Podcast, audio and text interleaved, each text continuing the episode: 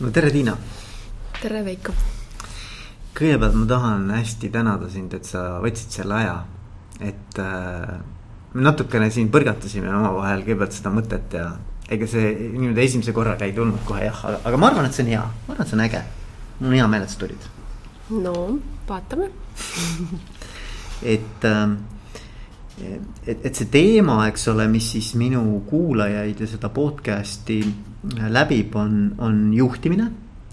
ja üldse enesearengust ja enesejuhtimisest huvitatud inimesed. ja sinuga ma tahtsin rääkida just nagu selles võtmes, et, et sina oled nagu minu arvates nagu unikaalselt sidunud ära äh, oma sellise nagu huvi, oma, oma, oma nagu huvide ringi ähm, oma tegevusega nagu äritegevusega äh,, raamatute kirjastamisega, eks ju. Ja, ja ma ei tea muidugi, kui edukas sa selles oled, aga, aga ma arvan, et sa nagu toimetad ja saad hakkama, on ju.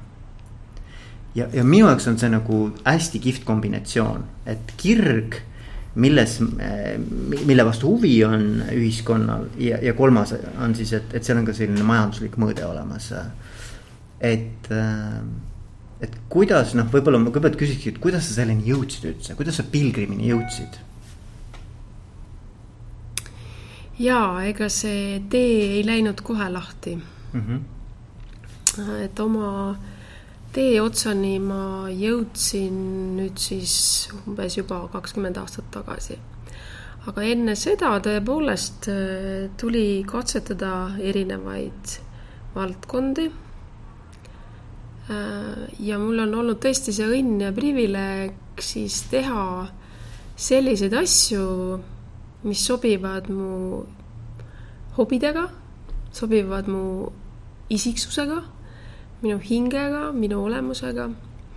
ja ma arvan, et äh, kui ma olen ka kuulnud mingisuguste karjäärinõustajate soovitusi, siis äh, mulle kuidagi on see kõrvu jäänud, et äh, parim kombinatsioon ongi ähm, juhul, kui inimene paneb kokku oma hobi ja isiksuse olemuse mm.. Mul on see kuidagi, see teekond rullunud lahti üsna loomulikult. ja selle üle ma loomulikult olen ise ka väga rõõmus.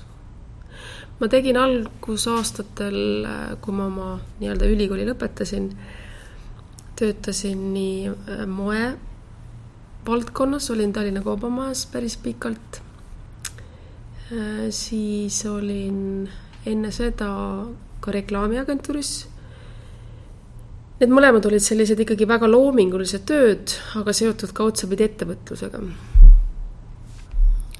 ja kui ma kolmekümneseks või kuskil seal paigas sain, siis mulle tundus, et äh, ma tahaksin teha midagi, millel on võib-olla rohkem sisu, kui ma seni olin kogenud. ja, ja luua mingeid väärtusi, ähm, mis inimestele kuidagi tagasi annavad. ma arvan, et see on üks väga oluline asi, et ka ettevõtluses ma ei pea ennast täna juhiks, sest et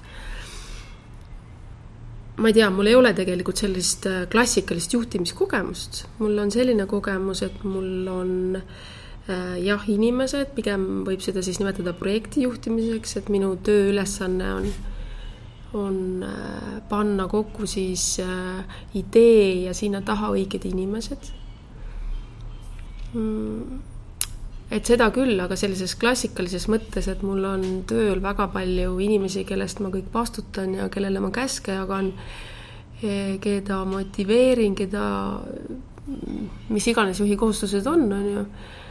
et seda kogemust mul otseselt ei ole, ma pigem ikkagi arvan, et ma olen loovettevõtja, kes teeb täpselt selliseid asju, nagu ta õigeks peab, sellises mahus, nagu ta õigeks peab sellistel teemadel, nagu ta õigeks peab ja mida ta jagab, võib-olla natukene teistest paremini mm. -hmm.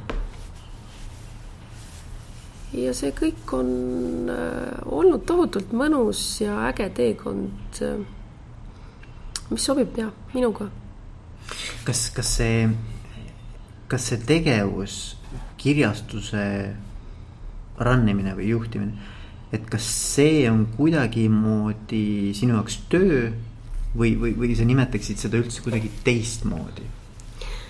Ähm, minu väga hea sõber, õpetaja ja autor Fred Jüssi, kes homme saab kaheksakümmend viis muuseas, ähm, just äh, üleeile jutustasime päris pikalt. Ja ta on mulle kogu aeg rääkinud, et tema ei tea, mis asi see tööl käimine päriselt on mm. -hmm. et äh, tema pole tema arvates päevagi äh, selles klassikalises mõttes tööl käinud või tööd teinud. et ma ikkagi arvan, et see on mingisugune selline sügavam olemuslik äh, tähendus ja kutse, kui sa mõtled selle peale, mis asi on elukutse, eks ju, kui mitmetahuline sõna see on inimene teeb midagi, mis on temaga nii läbi põimunud ja nii loomulik siis äh, vot sellel teel äh, saad sa niimoodi käia, et sul ei ole noh, kordagi sellist mõtet, et sa käid tööl. aga ometi sa lood väga olulisi maailmu, oled väga oluliseks inspiratsiooniks või eeskujuks, noh, Fredist rääkides äh, täiesti omamoodi nähtuseks ja legendiks. Ja just täpselt see, et sa järgid seda oma südamekutset, oma olemust, oma väärtusi ja jagad seda siis ka maailmale õiglasel viisil. mulle tundub ka, et seal on pigem nagu selline väga hea enesetunnetus, mis on mingis mõttes muutunud nagu äh, hobist või, või ütleme sellisest nagu, sa niikuinii tegeleksid a la ühel või teisel moel sellise loomingulise teemaga aga et sa oled suutnud selle kuidagi kanaliseerida selleks, et, et, et sealt tuleb nagu ehm, teistele inimestele ka väärtus, mille eest nad siis on pärast nõus äh, midagi maksma, eks ju. no absoluutselt. kui ma räägin nagu enda valikutest või kuidas ma toimin või mm -hmm. siis, siis ma tegelikult ka teen tööd täna üldse poole koormusega. et ma ei käi klassikaliselt iga päev tööl see mehhanism äh, minu enda jaoks on nii, et äh, ma tõesti viibin väga palju looduses ja, ja, ja üldse annan seda oma endale vaba aega, vaba ruumi, liikumist, tehes neid asju, mis mulle sobivad, suheldes neid, nende inimestega, kes mulle sobivad äh, selliselt pinnalt toimub see ideede genereerimine, see ei tule sunniviisis, et sa ärkad ülesse, istud kodus eh, või kontoris laua taha ja hakkad tööd tegema. või lähed koosolekule ja siis niimoodi on, et üldse ma olen koosolekutel väga halb käia. Eh, minu koosolekud käivad minu enda sees. Mhm. ja on väga efektiivsed, ma võin öelda, samamoodi nagu minu kirik on mets, eks on ju. või minu, minu religioon on loodus, et, et see lihtsalt võib-olla on selline täiesti ülim teadlikkus, kuidas iseennast parimal viisil hoida ja ja kust, kust ja kuidas tulevad need mõtted kõige paremini. kus on see tasakaal kus on see loovus, kus on see vabadus, kõik on nagu võrdselt tähtsad. Ehm, ja võib-olla see vabadus isegi siinkohal kõige olulisem. kas see, vaata, et üks niisugune huvitav nähtus nagu vooseisund, vaata mm, -hmm. sa kindlasti tead ka, eks ju mm -hmm. seda mm. -hmm. et kas see on midagi sellega seotud või? Ehm, võib-olla, kuigi ma ütlen ausalt, et mina klassikalises mõttes ehm, ka selles valdkonnas ähm, olen selline võib-olla reeglite rikkuja või kass, kes kõnnib oma pead, käib oma mehhanismi pidi ähm,. aga selle,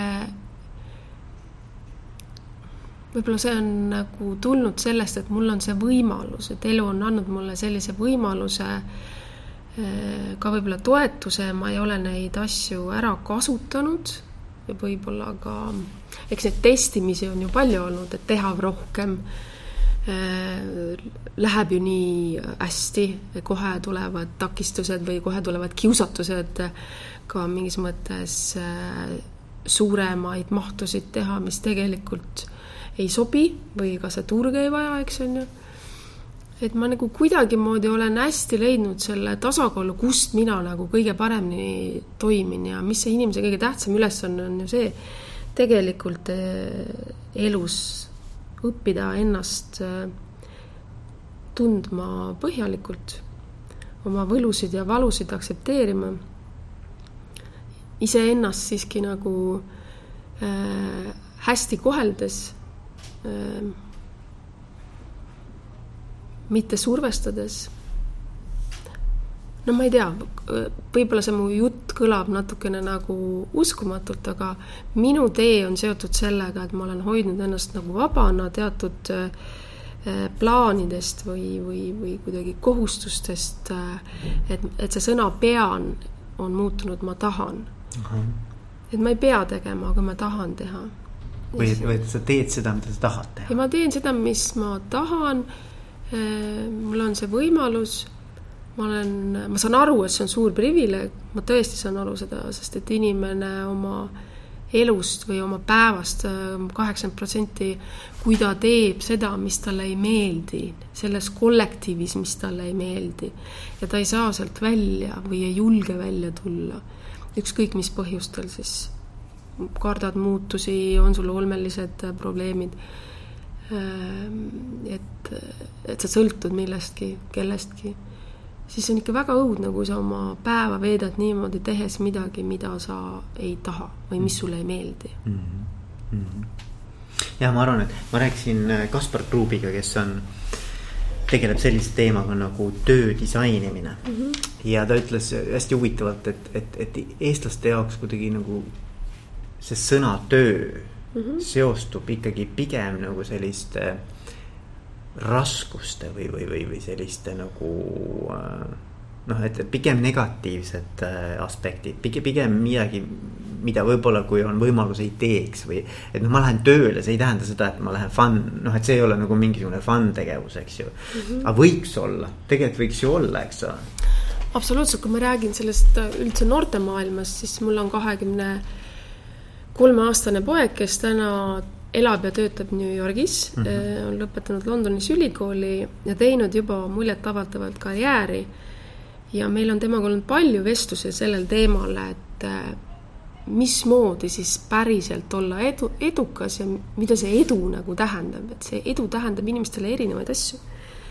et noh, nii nagu sa tead, eks on ju, targad inimesed ei äh, räägi sellest, kui targad nad on, ei räägi rikkad inimesed päriselt ka rahast et äh, edu mõiste on ka väga erinev, et kui sa suudad täpselt teha neid asju, mis midagi su hingele pakuvad, aga äh, ütleme, elatavad sind ka siis ära, sest et eriti meesterahvad, eks ju, nende see kuidagi see äh, karjäär ja, ja praegu on ka väga laialt levinud see väga see selline teistega võrdlemine mm., see võrdluskultuur, et mm. vaata, need juba seal tegid neid startup'e ja neil on juba nii, et see mm. ajab ju hulluks ja mm-hmm. ja neid survemehhanisme on nii palju, mis nad iseendale on võtnud, mis on ühiskond pannud, mida on vanemad pannud, on ju.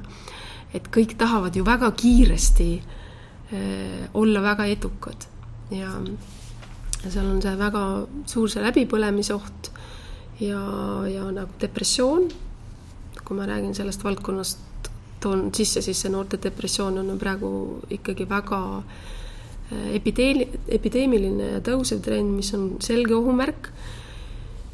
Ehm, et mis see edu on ja ma olen alati talle öelnud, et sa päriselt edukas saad olla siis, kui sa teed ainult seda, mis sulle päriselt väga meeldib.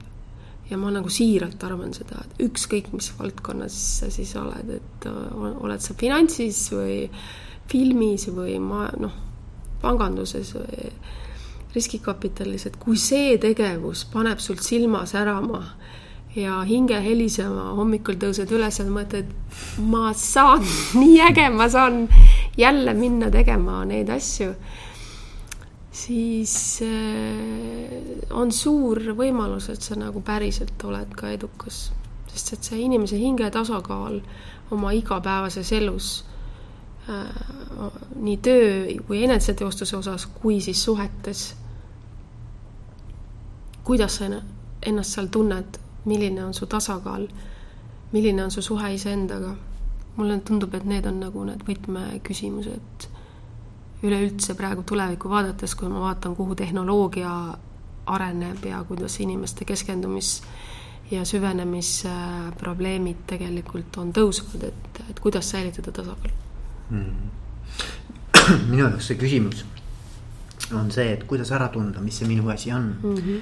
ma arvan, et see on nagu ülikeeruline mm. -hmm. sest et nii palju on kogu aeg virvarri ümberringi, eks ju, et kuidas nagu üldse kogu selles noh, suhteliselt nagu hektilises maailmas nagu võtta ja tu-, kuulata iseennast nagu päriselt mm -hmm. ja üldse nagu ku-, mitte ainult kuulata, vaid ka kuulda mm. -hmm.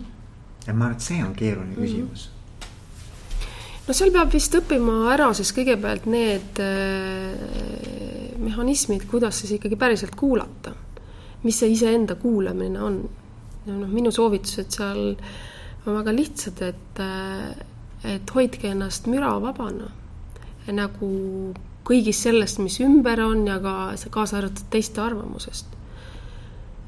Mm, meil eelmine aasta ilmus äh, Robin Sharma raamat Kella viie klubi, see räägib sellest hommikumaailmast, eks, et kuidas hommikud on äh, hästi efektiivsed, kui sa hoiad need vaiksed ja, ja müravabad, eks on ju. et minule ka meeldib hommikuti hästi vaikselt olla, et mul ei sõida see maailm sisse igasuguse, igasuguse infoga, sest seda infot on palju, on ju. siis on lootus, et sa hakkad kuulama ka, mis su enda sees toimub, eks. Suured juhid ju räägivad täna kõik juba, need mindfulness'i praktikad, eks, äh, mis viiakse ja juurutatakse töökohtadesse, et see on äärmiselt oluline, et äh, võtta aeg maha, et su aju puhkab, su silmad puhkavad, eks su kõrvad puhkavad, et natukene kuulda rohkem iseennast. või siis noh, nimetame seda oma sisehääleks, eks on ju. Kunagi kadunud ähm, Steve Jobs on öelnud seda, et, et, et hoia ennast, juba tema, eks ju, omal ajal ütles seda, et hoia ennast nagu kogu sellest mürast ja teiste arvamusest eemale, et siis on lootus, et sa kuuled tegelikult, mida su süda räägib ja mida sa tegelikult tahad, on ju. ma loodan, et see ei kõla väga nagu äh,. Voodoo või? noh, ma ei tea jah, et ma ei tea, minule on see igapäevaelu praktika.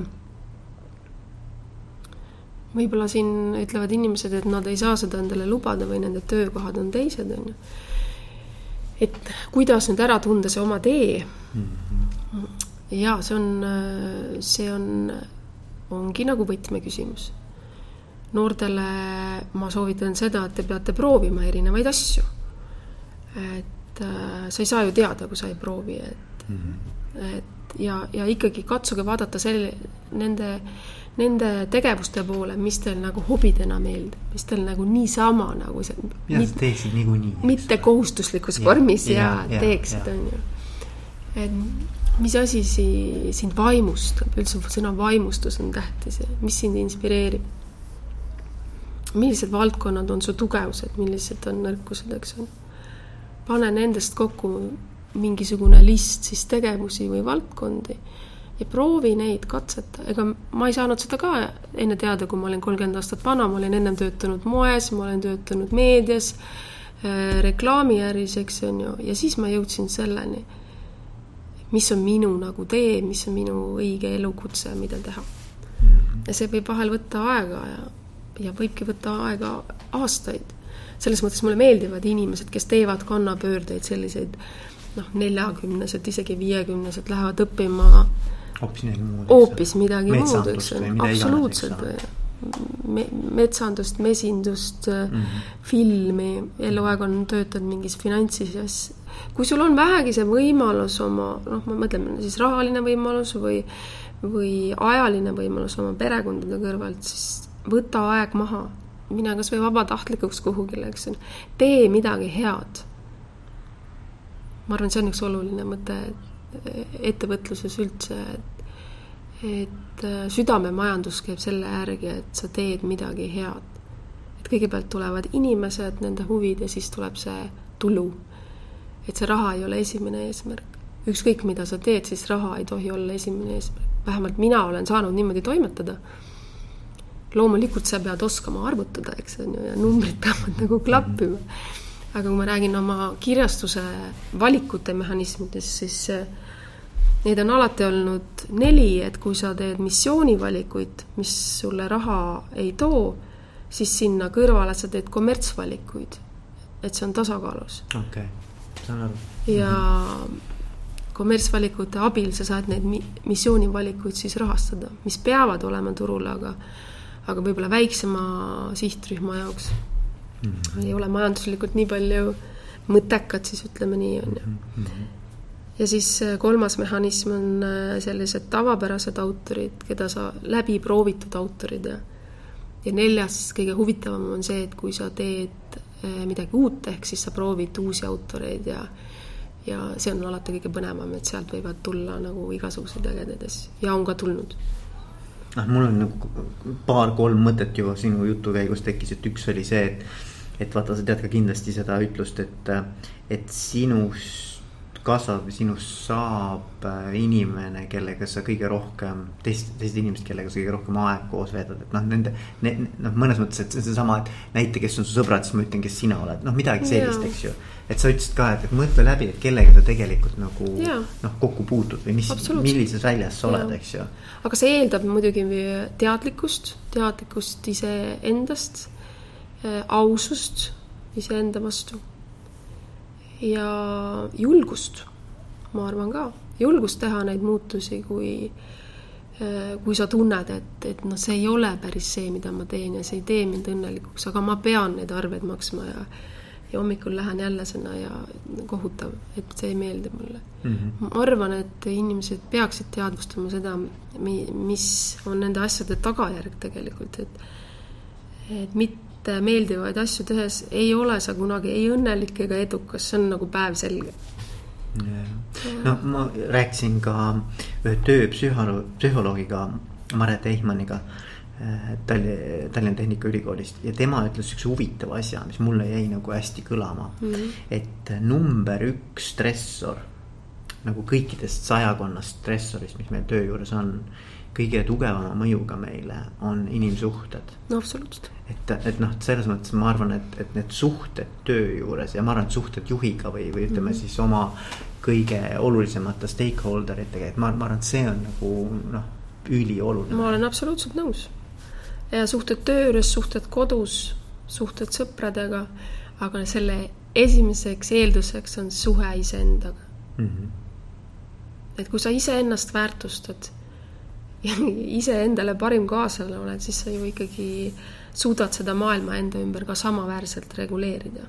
ja siis üks teema, mis mulle veel sinu jutust kõlama jäi, oli see kutsumuse teema, vaata, et sa ütlesid nagu elukutsumus, eks mm -hmm. ju. Mhm.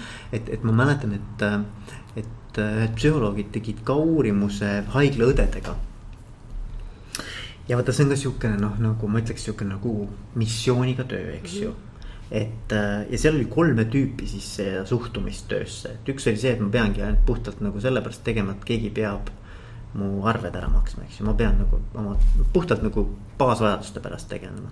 siis teine oli see, et, äh, et, et see ikkagi nagu sobib mulle või et ma olen nagu noh, et mul, mul on nagu tugevused või et mul, mulle selline nagu töö sobib puhtalt nagu oskuste mõttes ja, ja kolmas, see on see kutsumuse pool, et, et ma tegelikult nagu tunnetan, et ma aitan selle läbi siis ma ei tea, neid inimesi, ühiskonda ja, ja et, et need väärtused sobivad minuga ja et see jalajälg, mis ma jätan, et noh, et, et sellel on minu jaoks mingi tähendus, eks ju. et ma mõtlen, et, et noh, vot kui niimoodi nagu läheneda ka, et, et, et mõelda läbi, et noh, et mis siis on nagu see minu jaoks see nagu tähendusrikas töö, vaata mm. -hmm. et kus ma tegelikult jätan endast mingisuguse jälje mis aitab kellelgi teisel oma elu parema kvaliteediga elada. ma, ma arvan, et see on nagu äge. absoluutselt, kui see võimalus on, siis see on üks väga oluline argument kindlasti, et sa lood uusi väärtusi ja kellegi teise elu, eelkõige sinu enda elu ja siis sealt kellegi teise elu pareneb või jah, kuidagi nagu muutub paremaks, eks. minu jaoks, kui me räägime arsti elukutsest nagu päris arst mm. -hmm no seal ei saaks või vähemalt ma tahaksin mõelda, et teistmoodi ei olegi. sest see on nii oluline elukutse nagu õpetajagi, eks. et arsti puhul meie usaldame oma elu tegelikult võõra inimese kätte, eks. lootuses, et äh, ta teeb seda südamega, tal on maksimaalselt professionaalsed oskused, on ju tahaks küll seda loota, et see tuleneb nüüd ainult selle, et see on sinu kutsumus ja. ja kavatsused on väga head, eks ole. jaa, ma, aga ma olen äh, kokku puutunud, äh, mul on kaks autorit, äh, vanemat doktorit, doktor Toomas Sulling, kes nüüd saab kahekümne aasta, kaheksakümne aastaseks ähm,, legendaarne südamekirurg, eks. Ja Aadik Levin, kes saab ka kaheksakümmend, legendaarne lastearst, on ju. ja ma olen nendega palju rääkinud sellest, see on olnud nende elu. see, see elukutse on olnud nende elu ja kui see nagu ära äh, võeti, võeti, siis äh, neil on väga raske, noh, kui nad läksid mõlemad pensionile, siis tegelikult väga raske ähm, on nagu suhestuda uuesti maailmaga, et ma ei teegi seda enam või kes ma nii, olen. et ma olen, või kes ma üldse olen just nimelt. et nad mõlemad on teinud raamatu ja mõlemad ähm, on mulle seda ka rääkinud, et see järsku pensionile jäämine tegelikult on olnud nagu väga, väga keerukas protsess äh, ja läbi elada jaa, ma hästi suhestun sellega, mul isa, vaata, mul isa jäi pensionile ja kolm päeva ennem pensionile jäämist tal oli insult ja, ja tegelikult tema oli selline inimene, vaata, kui sa küsid, et kes sa oled, eks ju. noh, küsime mm -hmm. Tiina, kes sa oled, siis inimesed hakkavad ennast defineerima, määratlema erinevate asjade kaudu. kes oma pere kaudu, kes oma töö kaudu, mõni võib-olla mingisuguse hobi kaudu, eks ju. aga tema oli nii, et sada protsenti nagu töö, eks ju, et see oligi tema, et ta mm -hmm. nagu ei, tema maailm nagu keerles ikkagi, ütleme niimoodi lõviosas ikkagi oma töö ümber mm. -hmm. ja kui see nüüd sai selgeks, et see nagu lõpeb ära et need väärtused, vaata, mis tema jaoks olid olulised nagu kuidagimoodi nagu elus noh, peab ümber mõtlema mm. -hmm. siis ma arvan, noh, see on minu arvamus, et see oli seotud sellega. et, et, et tegelikult inimesel nagu kukkus midagi kokku, eks ju. ta pidi täitsa oma sellise maailmapildi ümber vaatama. ja, ja see oli hästi raske mm. -hmm. ja see võib olla nagu teadvustamatult, eks ju. absoluutselt, muidugi. et kui nüüd targalt lähedased ka ja ette mõelda eriti selliste korüfeede puhul, eks on ju, eluaegsed tippkirurgid ja nii edasi, siis nende kogemust ja elutarkust noh, kuidagi väärtustada või ära kasutada eh, teistsuguses formaadis ja võtmes, et nad oleksid ikkagi nagu olemas. et mitte võtta neilt ära see, kes, kes nad tegelikult on mm. -hmm. et äh, mõlema puhul on raamatus äh, kirjutamine olnud väga selline ma ütleks isegi tervendav protsess olnud. et nad said seda kirjutada, uuesti läbi elada, nagu jagada, aga ma, ma näeks selliseid korüfeesid, ma ei tea sellest valdkonnast niimoodi, aga tõesti üliõpilastele loenguid andmas ja oma teadmisi nagu jagamas, eks. mitte seda, et nad jäävad pensionile ja ja enam rohkem midagi ei olegi. või nagu mentorina või noh no,, mõttes ja, ja. erinevate äh, keeruliste kaasuste juures ja nii edasi, muidugi ja. need valdkonnad ka muutuvad nii palju. aga siiski mm, -hmm. et äh, jah mm. -hmm no vot, et ma, ma arvan, et noh, mida mina sellest jutust nagu endale kuidagimoodi sinna naha alla nagu sain, on ikkagi see, see tõdemus, et äh, et hästi oluline on nagu aru saada, millega sa tegeled, vaata mm. -hmm. ja et see oleks midagi sellist, mis sinu enda elule annab ka rohkem mm -hmm. nagu mhm. tähendust, vaata. täpselt, et äh, mitte seda, mida su ema-isa arvavad, millega sa võiks tegeleda või või su klassivennad, äh, klassiõed, milles nad on edukad, et äkki ma proovin ka või? või et mida, isegi mida hinnatakse näiteks tänasel ajal ühiskonnas, see ei pruugi ka üldse see olla, eks ole. absoluutselt, et selles mõttes ma julgustan proovida erinevaid asju, erinevaid valdkondi, et leida see oma kutsumuslik pool, milles, milles sa oled teistest parem, mis sobib sinu hingele, mida sulle meeldib kogu see kakskümmend neli tundi päevast äh, teha, aga magades mõelda, eks ju. et mis paneb su hinge helisema, et. Äh, ja juhtidele veel südamele pannes, et näiteks, et, et, et kui sa nagu ei ole juht ja sulle pakutakse näiteks juhiametit, eks ju mm -hmm., sa oled mhm. täna spetsialist. siis ma arvan, et see on nagu tohutu vastutus tegelikult mõelda läbi, kas see sobib mulle mm. -hmm. sest et üldjoontes on ikkagi traditsiooniliselt olnud see karjäärimudel selline, et see peaks nagu horisontaalselt nagu või tähendab vertikaalselt üles liikuma. et noh, et ikkagi, kui sa tahad edukas olla, siis sa mõnes mõttes peaksid nagu juhiks hakkama. Aga tegelikult sa võid olla üliedukas nagu tippspetsialist või ekspert on ju, noh on ju tegelikult mm. -hmm mulle tundub, et see tüpaažina ka, et et see on isiksuse põhine, et kõik ei saa olla juhid ja ei peagi olema ei juhid. mis siis, et ta tahab olla juht, aga talle tema isiksus lihtsalt ei vasta juhi omadustele. ka see on nagu selline teadlikkus jälle iseendast ja selle nagu täielik aktsepteerimine, et ma, see ei ole minu tee, eks ju mm. -hmm mis siis, et äh, ema-isa ootavad, et minust saab direktor. äkki ma tahan hoopis rongijuht olla jah, või, või. ja ma olen väga hea rongijuht. või mulle meeldivad loomad näiteks. ma tahaks üldse loomaaias töötada no. see on väga okei okay.. jaa, absoluutselt. kui see sul on, mõtle, tegelikult äh, ma ise õppisin kunagi gestaltteraapiat ja mulle hästi meeldis näiteks see, et kuidas äh, üks, üks grupiõde tegi, tegi oma tööd nagu hobustega mm, -hmm. Hobuste teraapilisest mõjust inimestele et kui, kui sa hipoteraapia nagu,. ja, ja mm -hmm. üliäge nagu, et, et mhm. tegelikult nagu niisugused kohad leida üles nagu, et mis sulle sobib just mm -hmm. vaata, mis sind paneb nagu kuidagimoodi paremini tundma ennast. ja, ja ma olen äh, sada protsenti sellega nõus, et aga see eeldab teadlikkust mm -hmm. iseendast kõigepealt, suhet iseendaga. ja sellega tasuks inimesed siis kõigepealt alustadagi, et õppida ennast tundma mitte võrdlema ennast teistega, see võrdluskultuur on praegu ikkagi, võrdluse ja likeide maailm on päris, et sinu enesehinnang sõltub sellest, et kui palju sa likee saad.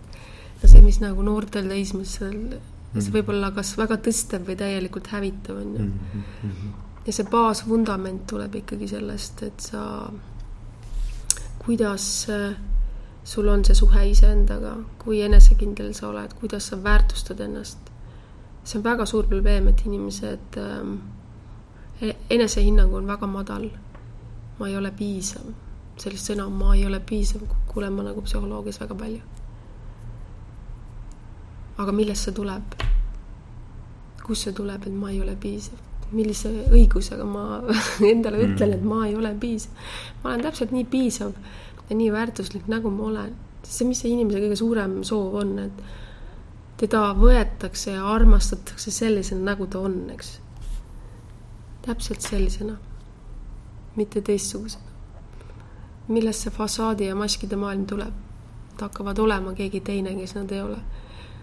päeva lõpuks on neil endal väga halb selles, selles fassaadis või see tuleb niikuinii välja.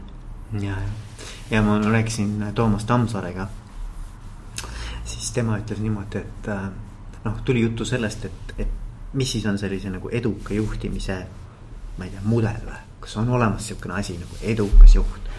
ja siis ta ütles minu arust nii hästi, mulle nii meeldis see, ta ütles niimoodi, et, et, et eeldus, et saaksid edukas olla. ja see ei ole muidugi, ma arvan, ainult juhtimises, aga mm. juhtimises ka, on see, et sa oled see, kes sa tegelikult oled et, et kõige eeldus on see, isegi kui sa oled nagu täielik introvert juhina, ole siis see introvert mm, -hmm. eks ju, aktsepteeri, kes sa oled ja sealt pealt saab alles tegelikult mm -hmm. see edu hakata tulema mm. -hmm. et kui sa pead mingi maski ette panema, sul on mingi šabloon või mingi mudel, eks ole mm. -hmm. et milline juht on su peas ja siis sa pead nagu ennast kuidagi väänama sellest šabloonist läbi, on ju, siis nagu ei tule sellest asjast mitte midagi niikuinii välja on ju no, mulle hästi meeldib see mõte, see vabastav, vaata, see on selles mõttes vabastav, et ma saan ollagi see, kes ma olen, nagu mm -hmm. autentne mm. -hmm. ja. ma oma nagu elus olen veel mõelnud nelja mm, kunagi Tolteekide tarkuse raamat või kokkulepped, neli kokkulepet oli selle nimi milles ma nagu väga palju ka ise elus ja võib-olla nagu siis oma väikest tiimi juhtides olen nagu juhindunud, on see, et Need olid sellised neli väga lihtsat kokkulepet, mida sa iseendaga võiksid teha. esimene oli siis see, et ole oma sõnades äh, laitmatu. et sõna jõud on ikkagi nii vägev, et kasuta seda põhiliselt ikkagi headuse ja loovuse tööriistana, eks, mitte vastupidi mm. -hmm. siis teine kokkulepe oli see, et ära võta midagi isiklikult, ükskõik mida teine ütleb, arvab mõtleb, et sellel ei ole nagu sinuga seost. et see on nende enda sisemaailma pe- peegeldus äh,. siis ära oleta midagi, ära tee oletusi, küsi alati üle, sest inimesed ju tõlgendavad, annavad tähendusi teadmatusest tulenevatele olukordadele niimoodi, et nendel ei pruugi mitte mingisugust seost Jah. olla sinu arvamuste või oletustega Jah. see hoiab lihtsalt väga palju arusaamatusi ja kommunikatsioonihäireid ära. ja neljas on väga lihtne, anna endast alati parim. ükskõik, mida sa teed, anna endast parim, see jällegi hoiab ära su kahetsused, iseenda nii-öelda noh, kuidas siis öelda, iseenda mahategemise, eks on ju, ja kahetsemine. et kui sa, kui sa nagu tead, et sa oled nagu sada kümme prossa andnud. Jaa, sa tead, et sa ja oled- kui ei tule välja, see on ikka okei okay, täpselt, see on okei okay. sina andsid oma Just, parima, välja just. tuli nii sest et paljud asjad ei sõltu sinust, vaid täiesti äh, ootamatutest asjadest või inimestest, olukordadest. aga sina tead, et sina andsid parima selles olukorras tõid endast parima ja, ja minu meelest, kui nii toimetada või nii elada hmm,, siis juba maailm on palju Ilusam. parem paik, mm. -hmm. kuule, aga Tiina, aitäh sulle palun